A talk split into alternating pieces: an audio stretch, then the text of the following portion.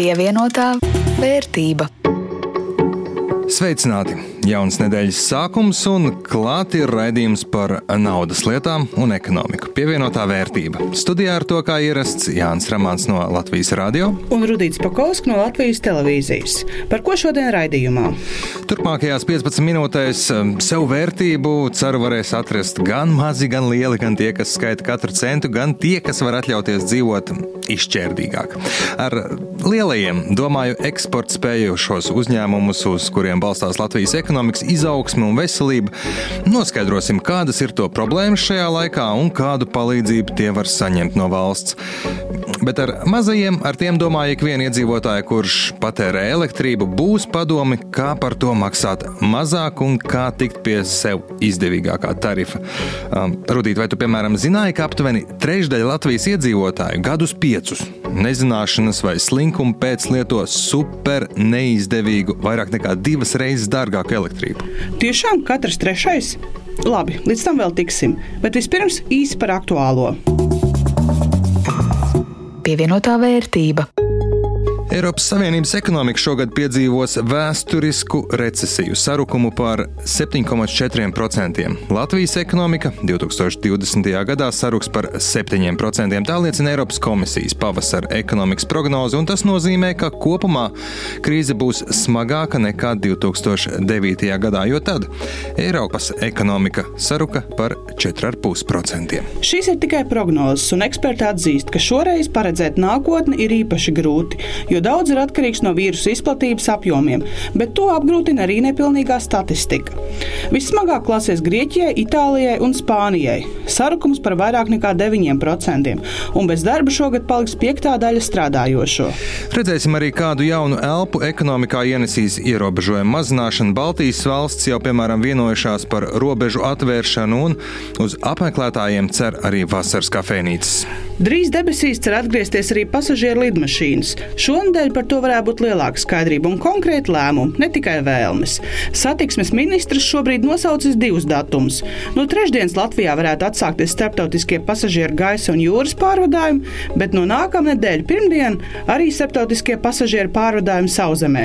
Latvijas iedzīvotāji krīzes laikā ir par trešdaļu samazinājuši tēriņus. Tā ir sarēķinājusi Luminor banka. No Baltijas valstīm mēs esam vistaupīgākie, lai gan tendences kopā ļoti līdzīgas. Diez vai kādam būs pārsteigums, ka par 94% ir sarukuši cilvēku tēriņi turismam, gandrīz par 70% mazāk tērējam ēšanai ārpus mājas, restorānos. Um, Sēžot mājās, apģērbs un transports arī ir kļuvis mazsvarīgāks, izdevuma kritums par aptuveni 60%. Vēl var pieminēt izklaidi, arī arī, kas interesanti, aptiekās tiek tērēts par 43% mazāk naudas. Kur paliek ietaupītā?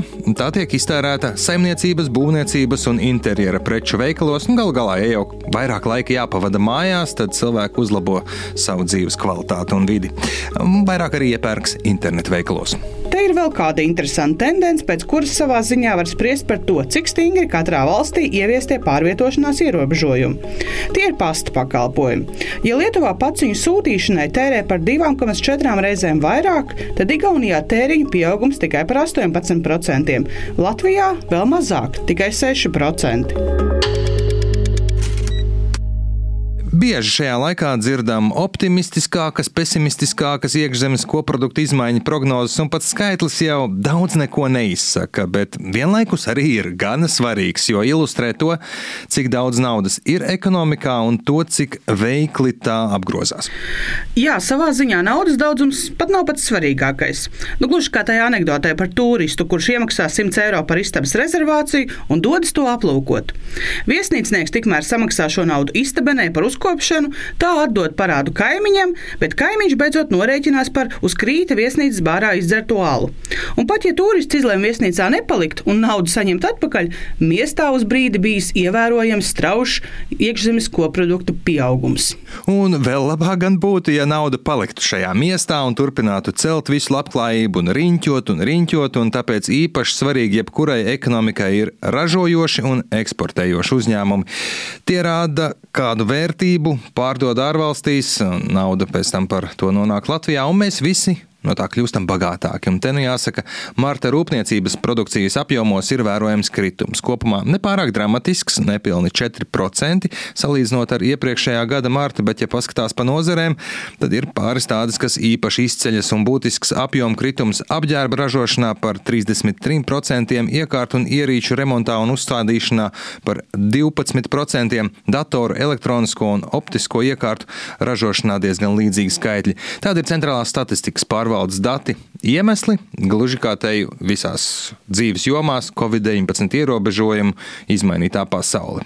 Īpaši grūts šis laiks ir eksportējošiem uzņēmumiem, jo klāt tādiem ierastiem biznesa riskiem ir nākuši vēl citi, kā skaidro attīstības finanšu institūcijas Altuma pārstāve, eksporta garantija daļas vadītāja Evija Zaķe. Jau bez Covid-19 ietekmes eksports vienmēr ir bijis saistīts ar paaugstinātu risku. Un tie, kas jau ir eksportējuši vai tikai plāno to darīt, zina, ka ikdienā nāks saskarties ar ļoti daudz virkni riskiem. Jo kur ir eksports, tur ir riski. Tātad tas ir saistībā gan ar konkrēto eksporta valsti, noteiktām paražām, gan arī juridisko iekārtu, kas pastāv valstī. Virkne risku ir jūsu pārziņā, ko jūs varat ietekmēt, gan slēdzot līgumus, gan citajādi, bet ir virkne ri riskus, kurus nu, jūs diemžēl nevarat ietekmēt.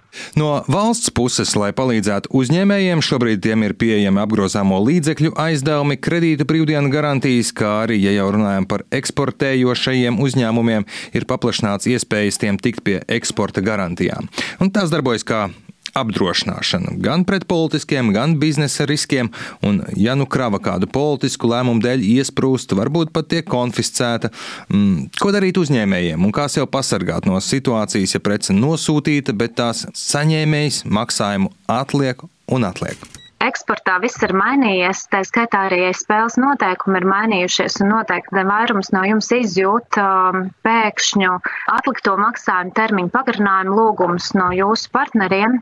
Tātad, ko darīt, kā sev pasargāt šādā situācijā?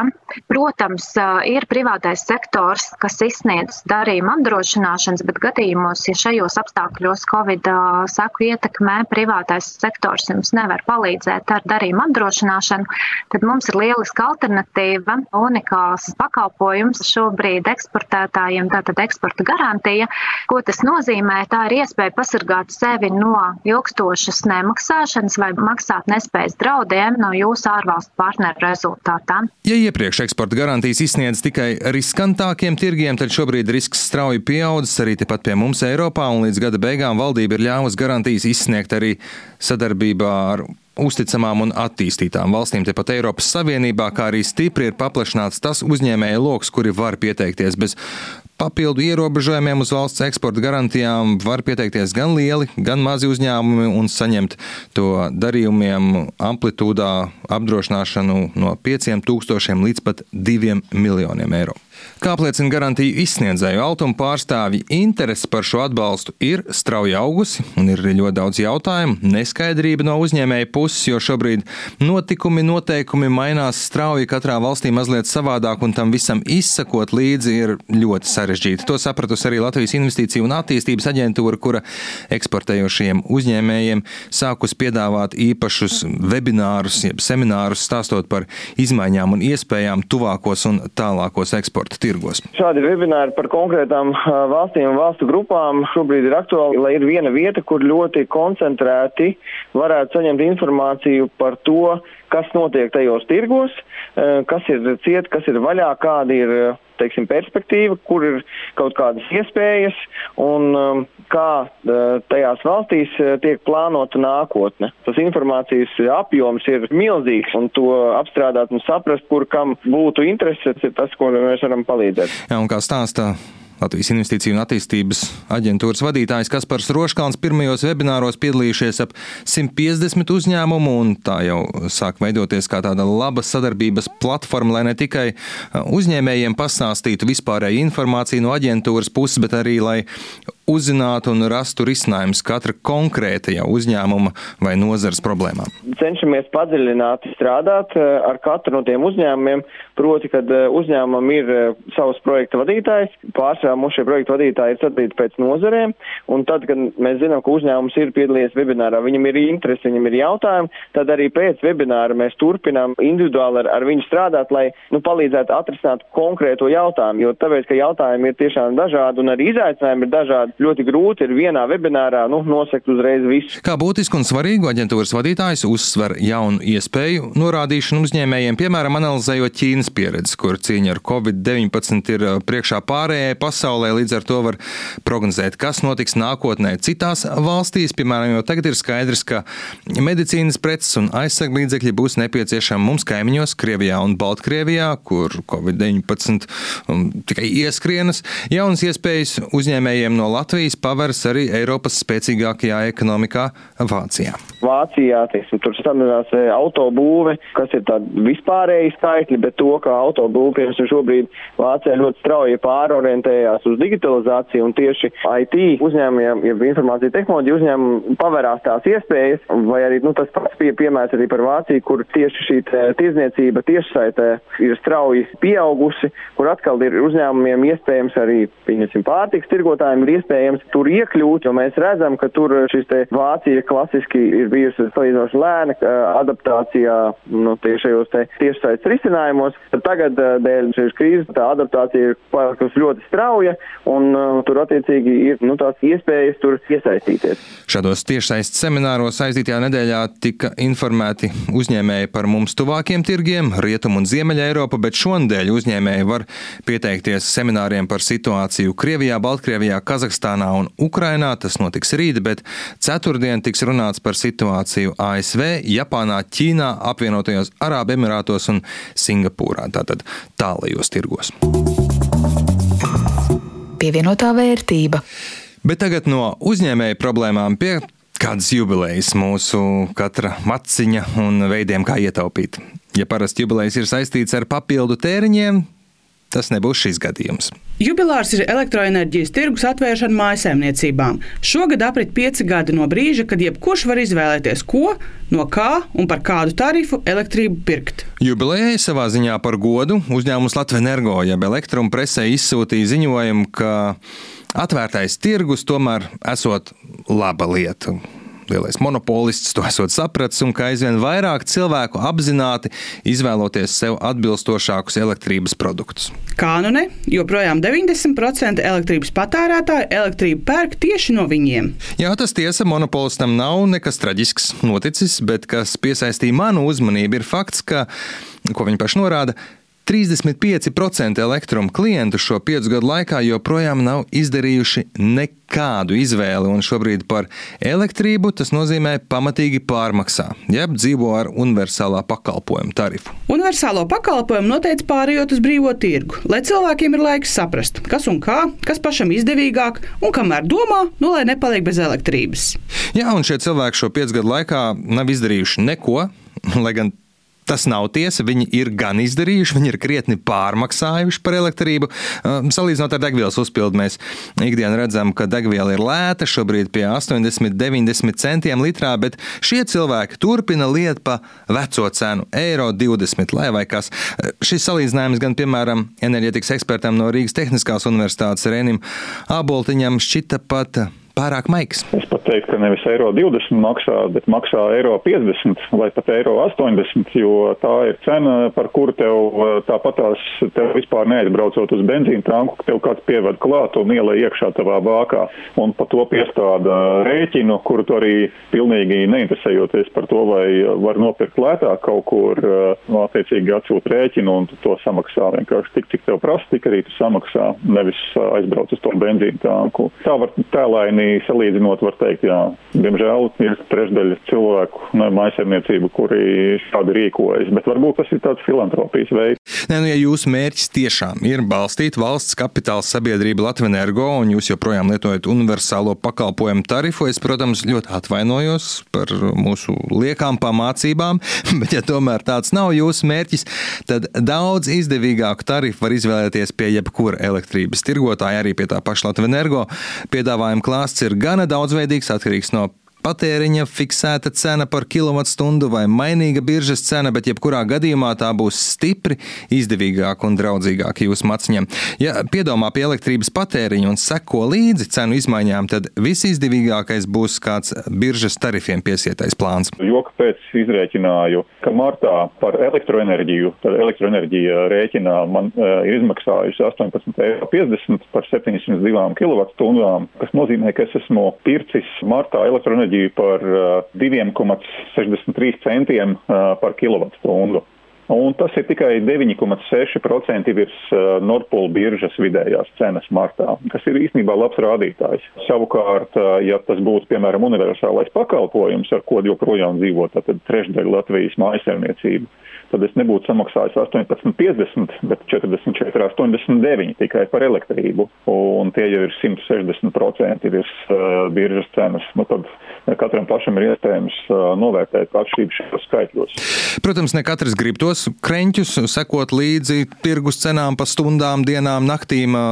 Risinājums varētu būt fiksēta cena. Tā saistīta ar mājasemniecības vidējo patēriņu, piemēram, tas dos sirdsmieru, bet Jārēķinās, ka sirdsmiers arī kaut ko maksā, un tas izmaksās mazliet dārgāk, jo brīžos, kad tarifs būs izdevīgs elektrokompānijai, tā priecāsies par peļņu, bet ja biržas cenas augs un sāks uzņēmumam palikt neizdevīgs jums iedotais tarifs, tad mm, piedodiet uz labdarību, neceriet, pieaugs arī jūsu maksājums un tarifs tiks mainīts. Un jā, vēl vērts atcerēties, ka elektrības rēķina summu veido ne tikai elektrības cena, bet arī obligātā iepirkuma komponente, maksa par sistēmas, jeb sadalas un pārvades pakalpojumiem, kā arī pievienotās vērtības nodoklis. Bet šobrīd vienīgā pozīcija, kuras cenu var lietotājs ietekmēt un izvēlēties, ir tieši elektrības cena, kura veido aptuveni trešo daļu no kopējā rēķina. Pievienotā vērtība. Un noslēgumā vēl mazliet par Covid-19 un ekonomiku. Nopietni, vēl par to? Nopietni. Šobrīd galvas nepacēluši strādā ne tikai tie zinātnieki, kas meklē vakcīnu vai zāles pret koronavīrusu. Darba pāri galvai ir arī ekonomikas zinātnē, jo galu galā šāds satricinājums visas pasaules ekonomikai ilgi, ilgi nav redzēts. Un kas tad visvairāk zinātniekus interesē? Pētījuma tematika ir ļoti plaša - no bezdarba tendencēm, privātā patēriņa izmaiņām un tam, kā valdība lēmumu lēmumi ietekmē uzņēmējdarbību, līdz diskusijām par to, vai šī ekonomiskā krīze būs L veida vai V veida. Tātad vai nu kritīs ekonomikas apjomi, un tā arī paliks zemā apjomā, un līkni izskatīsies kā tāds liels L burts, vai arī tad, kad Covid-19 varēsim kontrolēt, sāksies strauja izaugsme un līkne atgādinās V strauju lejup, tad strauju augšup. Un ko tad zinātnieki saka? Ka, ja balstās uz ASV darba tirgus datiem, V scenārijs strauji lejup un strauji augšup nu nav pārāk ticams, lai gan, protams, ir iespējams. Viens no faktoriem straujā izaugsmē pēc krīzes ir tas, cik cilvēkiem krīzes laikā izdodas saglabāt darba attiecības, nu vai arī pēc krīzes ātri atrast jaunu darbu. Ja tas neizdodas, tad drīzāk varam gaidīt L scenāriju - strauji lejup un tad pamazām, pamazām izaugsme. Un kā rāda ekonomikas un politikas pētījuma centra, kā arī ASV Nacionālā ekonomisko pētījumu biroja pētnieku veiktais, nav pārāk daudz pazīmju, ka darba tirgus aši atgūsies. Turklāt daļa strādājošo, kas Covid-19 dēļ palikuši bez darba, jau nu nemaz tā aktīvi nemeklē.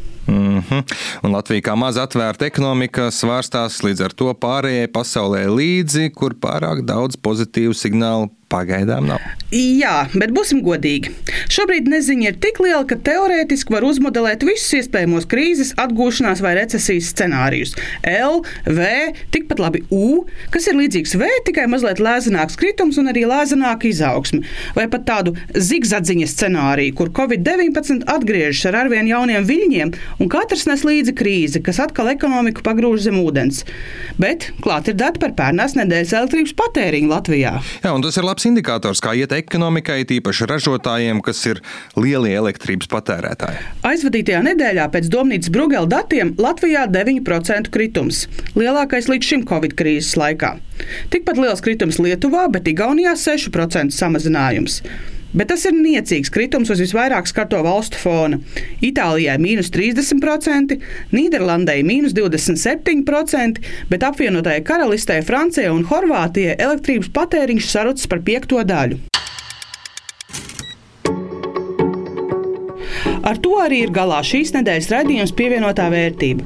Atgādināšu, ka mums varat rakstīt pievienotā punkts vērtība pie Latvijas radio.lv, kā arī šo iepriekš izskanējušos un arī nākamos raidījumus varēsiet atrast ne tikai Latvijas radio mājaslapā, internetā, bet arī Google un Apple podkastos.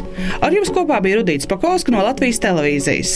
Un Jānis Ramāns no Latvijas radio par skaņu rūpējās Renārs Steimans.